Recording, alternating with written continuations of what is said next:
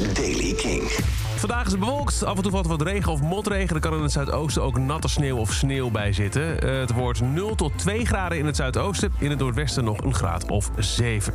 Nieuws over Jack White, Guns N' Roses en Down the Rabbit Hole. Dit is de Daily King van maandag 5 december. Michiel Veenstra.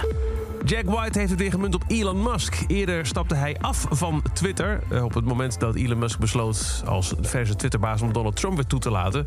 Dat was een absolute a-hole move, vond eh, eh, Jack White. En hij delete daarmee zijn account van Thirdman Records. Hij zit nog wel op Instagram en daarmee ging hij eventjes lekker los op Elon Musk.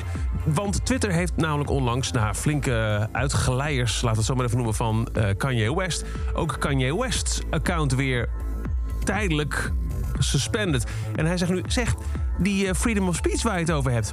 bepaal jij wie eh, die vrijheid heeft? Want Kanye West is kennelijk niet, Donald Trump wel. Hmm. Ehm, the controller of the free speech is insulted personally. Is dat misschien wat er dan op een gegeven moment aan de hand is? Or maybe there needs to be, I don't know, rules and regulations... or else you breed chaos. Een hele rant tegen Elon Musk op het Instagram-account van Jack White. Axel Rose houdt ermee op. Een traditie van meer dan 30 jaar. Wat hij dan doet, of deed, moet ik zeggen. Dus microfoon in het publiek gooien na een liveshow. Hij stopte ermee omdat er een fan gewond is geraakt in Australië. Zij zegt door eh, de microfoon van Axel Rose. Ze moest eh, het ziekenhuis in met onder meer eh, twee blauwe ogen en een gekneusde neus. Als het klopt, zegt Axel Rose op Twitter... ja, ik wil niet dat iemand gewond raakt... of op een of andere manier pijn heeft tijdens een van onze shows. Na meer dan 30 jaar de microfoon aan het einde van onze shows te hebben weggegooid... en het ook echt een van de signature moves was... hebben we nu besloten om het niet meer te doen. Want in het belang van de openbare veiligheid... houden we op met microfoons of wat dan ook gooien naar onze fans.